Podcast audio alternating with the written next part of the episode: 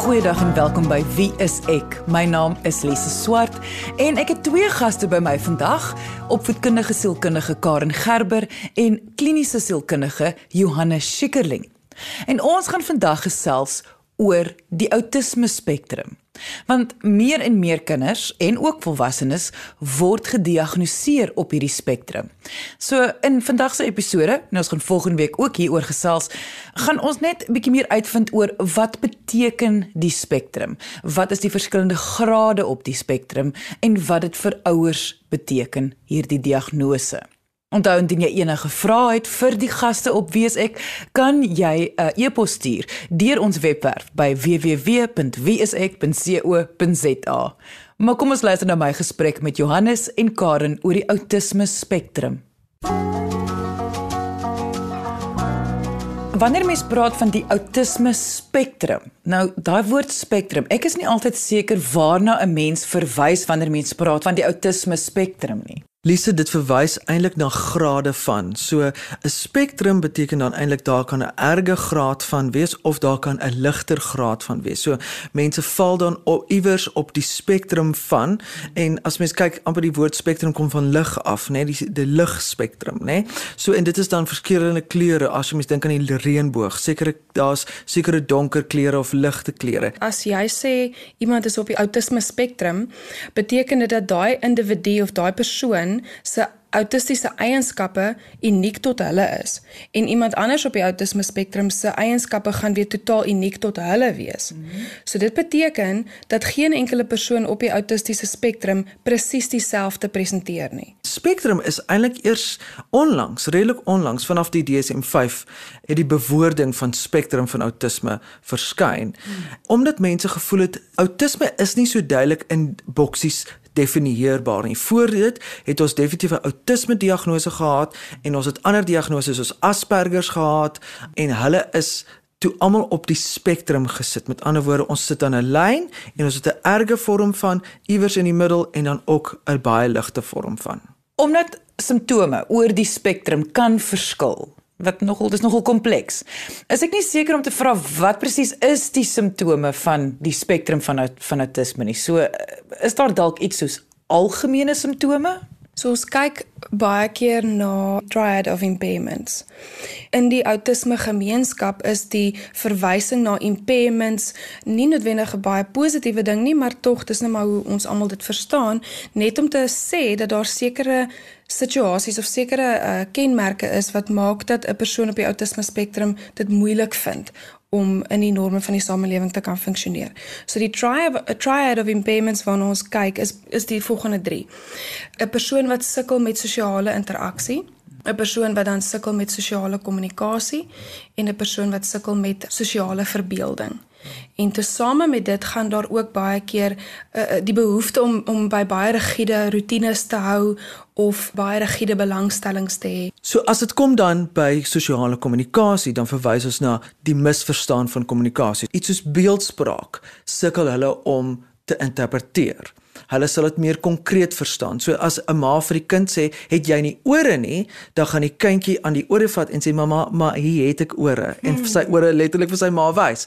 Terwyl baie ander kinders gaan weet mamma bedoel dit eintlik figuurlik. Jy weet sy wil eintlik vir jou sê, "Hoekom luister jy nie?" is eintlik wat sy sê die verstaan, die sosiale verstaan daarvan is baie meer konkreet. So as ek dan nou byvoorbeeld praat van probleme met sosiale interaksie, beteken dit dan dat die persoon op die spektrum hulle interaksie met ander mense verskil van jou tipiese persoon. So daag dit beteken dan dat die persoon kan dalk met 'n ander persoon interact. Hulle is net nie altyd seker hoe nie. So dit kan dalk 'n bietjie onvanpas voorkom. Dit beteken ook dan dat byvoorbeeld hulle interaksie kan baie eensydig wees. Hulle 'n persoon op die spektrum sal dalk dan um, daarvan hou om oor iets te praat wat vir hulle belangrik is wat hulle sal dan sukkel om te besef of te verstaan dat daar ongeskrewe sosiale reëls is wanneer mens met mense interakt mm. en daarom sal dit vir hulle moeilik wees om daai situasie te kan lees. Sosiale verbeelding verwys ons eintlik van hoe goed is hulle om hulle self in situasies te verbeel. Met ander woorde, kan hulle insien hoe sou dit wees om 'n gesprek met iemand te hê? Kan hulle self dit verbeel of kan hulle self in ander mense se skoene sit? op daai noot baie mense dink dan o, jene maar as 'n persoon op die spektrum nie hulle self en iemand anders se skoene kan uh, sit en en uh, uh, verstaan waar iemand anders gaan nie, dan beteken dit mos hulle het nie empatie nie. Nou dis glad nie waar nie. Baie keer mense op die autisme spektrum het ongelooflik baie empatie vir ander mense. Hulle weet net nie wat om presies met dit te doen nie. Um, en in die oomblik wat hulle in 'n situasie is met ander mense, weet hulle nie altyd wat om met ander mense se emosies te doen nie. Hulle hulle het tyd nodig om eersins dit te prosesseer, dan te verstaan en dan kan hulle eers daar volgens optree. Maar in daai oomblik is dit baie moeilik vir 'n persoon om dan te verstaan of hulle self te verbeel dat hulle in iemand anders se skoene kan staan. Raak deel van die Wie is Geel inisiatief en wys jy gee om. Vir meer, gaan na www.wieisek.co.za. Dit voel vir my en ek kan heeltemal verkeerd wees, maar dit voel vir my meer en meer kinders word deesdae gediagnoseer op die autisme spektrum. Nou soos mense praat kom jy agter baie ouers voel dit raak net so half bietjie belaglik want dit voel dan nou soos toe um ADHD die eerste keer gediagnoseer is al die kinders het ewe skielik ADHD. Uh, wat is julle opinie as daaroor as mens dit nou sou sê? Soos wat ons nou maar meer bewus raak en die kennis raak groter oor byvoorbeeld iets soos outisme of die outisme spektrum het dit baie meer bekend geword en ek wil amper sê in ons vak is ons eintlik verlig dat ons nou meer kennis het want daar is baie kinders wat ons nie verstaan het nie wat ons nie op 'n goeie manier kon help nie en ons nie geweet wat aangaan met hulle nie. Hulle is in jare vir terapie en daar is nie verandering nie. Of ouers is moedeloos en hulle weet nie wat om te doen nie. So die positiewe ding is dat hoe hoe, hoe beter ons kennis is oor 'n spesifieke kondisie, hoe beter en hoe vinniger kan 'n mens iemand help. Maar ons moet ook waak daarteen dat 'n mens nie elke tipe gedrag in kinders of in volwassenes die heeltyd as spektrum label nie, want wat baie keer kan gebeur is dat kom ons sê byvoorbeeld daar was trauma of 'n kind is geweldig angstig dan kan rigiditeit intree wat soms lyk asof dit dalk spektrum gedrag is. En daarom moet 'n mens baie baie versigtig gaan kyk voordat 'n mens sommer net sê hoe iemand is op die spektrum. Daar's dalk ander verklaringe daarvoor. Want ek kan nogal dink omdat spektrum se se simptome of hulle gedrag baie keer net nie eenvoudig net nie lyk soos die norm nie. Min mense besef hoe baie toestande kan ook lyk soos nie die norm nie en dit kan selfs insluit ADHD en dit kan depressie selfs in kinders insluit of dink 'n verskeidenheid van diagnoses. Ja, definitief. So hierso in in die sielkundige wêreld praat ons altyd van 'n diferensiële diagnose. Dit beteken basies net jy kyk na verskeie kondisies wat moontlik overlapping simptome of kenmerke het en jy moet seker maak jy skakel elke ene uit totdat jy regtig by die kerndiagnose uitkom. So as 'n kind wel regtig op die spektrum is, dan kyk 'n mens ook baie keer na ander kondisies wat saam met dit 'n um, rol speel en daar spesifiek 'n persoon op die autisme spektrum het definitief geweldige angs. Die wêreld is 'n onsekere plek vir so 'n persoon. Hulle weet nie altyd wat om hulle aangaan nie. So ek dink dis is om in 'n foreign country geplak te word en daar moet jy nou uitfigure hoe om 'n nuwe taal te praat uh, en die mense se gedrag te probeer verstaan. En dit is hoe 'n persoon op die spektrum elke liewe dag moet funksioneer. So natuurlik gaan hulle hoë vlakke van angs hê. As jy kyk na 'n kind op die spektrum in 'n skool opset, gaan dit dan wees dat 'n so 'n kind lyk asof hulle aandagafleibaar is of lyk asof hulle aggressief is want hulle dalk uitbarstings of lyk asof hulle in 'n droomwêreld is omdat hulle nie met maatjies connect of nie luister wat die juffrou sê of wat ook al nie. En ons moet daai ook verstaan, die kondisies wat saam met die spektrum um, geassosieer word sodat 'n mens regtig die kind op al die nodige vlakke kan ondersteun. Maar ons moet ook versigtig wees om te sê dat as 'n kind byvoorbeeld wel ADHD het of as daar dalk selfs um, OCD gedrag is, jy weet 'n kind wat geweldig rigied en, en obsessief is, kyk ons regtig na OCD of is dit dalk spektrum? Hmm. En as jy die twee van mekaar kan onderskei, dan ondersteun jy die kind op die regte manier. So ons kry ook baie volwassenes wat deesdae kom en vra, maar is ek nie nog altyd eintlik op die spektrum gewees nie? En die verligting wat hulle dan kry om te weet, weet jy wat, ek verstaan myself beter. Die verligting wat ouers kry om te weet En ons kry baie sulke ouers. Ons was nou al daar en hulle was nou al oral en dan kom hulle by 'n plek wat hulle kan diagnoseer reg, die kind reg kan diagnoseer en die verligting dat uiteindelik is dit nie net 'n ADHD nie. Is dit nie net 'n uh, bipolêr nie. Daar is iets anders en ouers het baie keer dit in hulle gut wat hulle voel. Oh, iets word nie raak gesien nie. Die hulle mis iets. En en dan as hulle die antwoord kry en hulle tik al die boxes, dan dan sien jy, wow, daar's soveel verligting en hulle verstaan regtig hulle kind en dan vir die eerste keer kan hulle regtig uh, behulpsaam wees vir hierdie kind.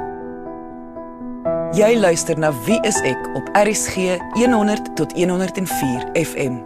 Ek wil graag reg verstaan. Beteken dit dan, soos daar gesê is, eh, die spektrum is nou grade van. So natuurlik kry mens baie erge grade hmm. en mes so, maar hmm. maar beteken spektrum dat die kind het die vermoë om iets nog aan te leer, maar waar ander kinders dit outomaties opgetel het, is is neurologies vir 'n kind op 'n spektrum is dit iets wat net nog aangeleer moet word. Dis maar net 'n ekstra stap wat geneem moet word. Verstaan ek dit reg? En dis hoekom ons so graag praat van dit is 'n neurologiese verskil. Dit is 'n breinverskil. Want die manier wat hulle daai interaksie interpreteer is anders as wat meeste ander mense dit interpreteer.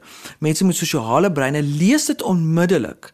Hulle sien onmiddellik o, daar's iets anderste, so dit is seker sarkasme terwyl daai kinders gaan dit nie weet nie. As iemand nie vir hulle leer wat sarkasme is nie, dan gaan hulle dit nie weet nie. Hulle gaan dit ook nooit raai nie.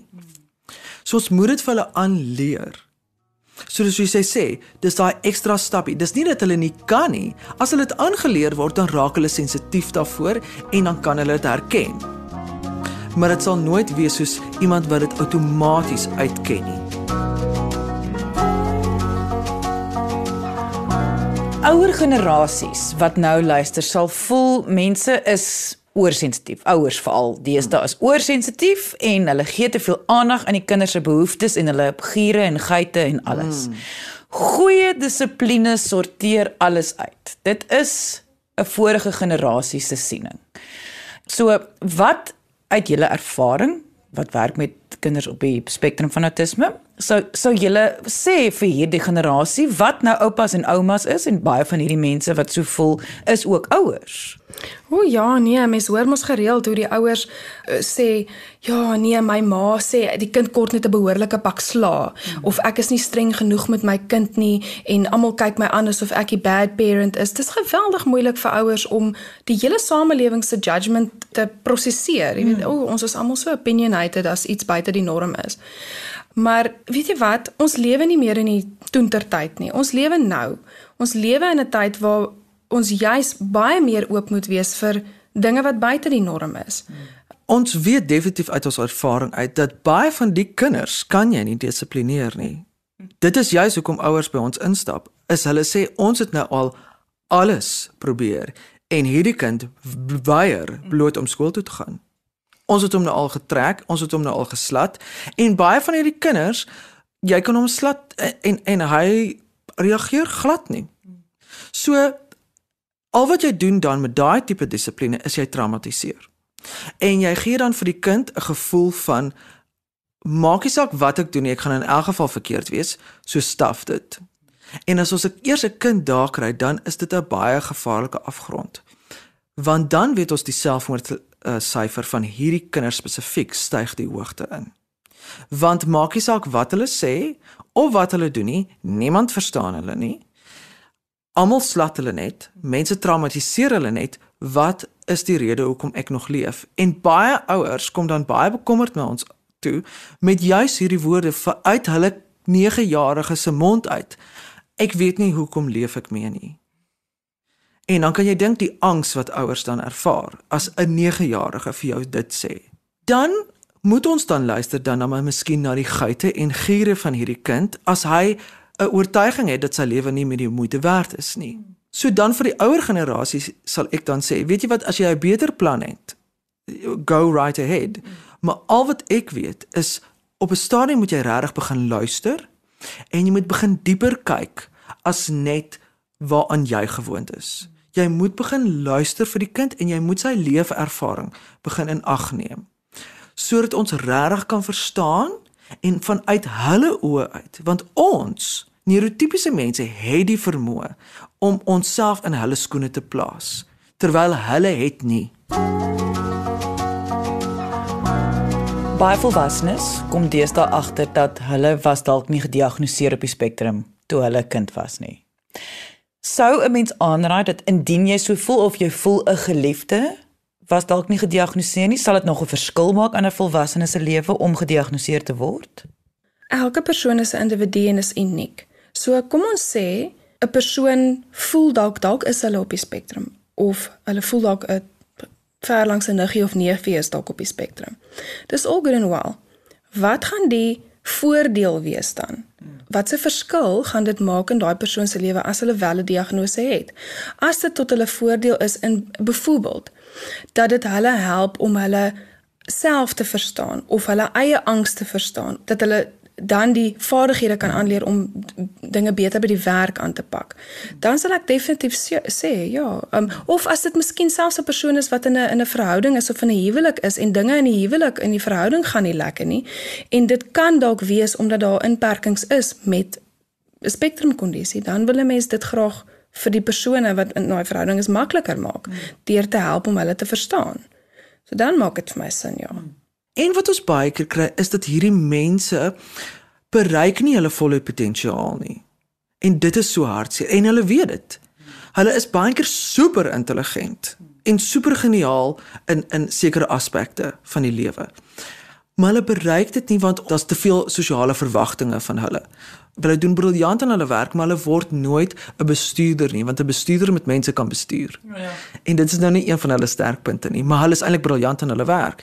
So my advies sal wees: kom vir 'n diagnose, kom vra, kom ons sorteer dit uit. As dit nie dit is nie, dan kan ons jou ook help, maar dit is baie belangrik dat daai mens hulle plekkie in die samelewing kan kry.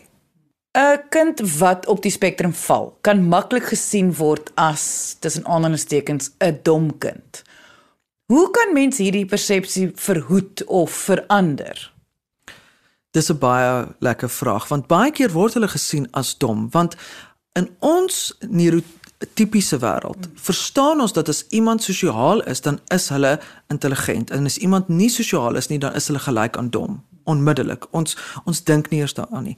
En die mense op die spektrum is juis daai daai grys area.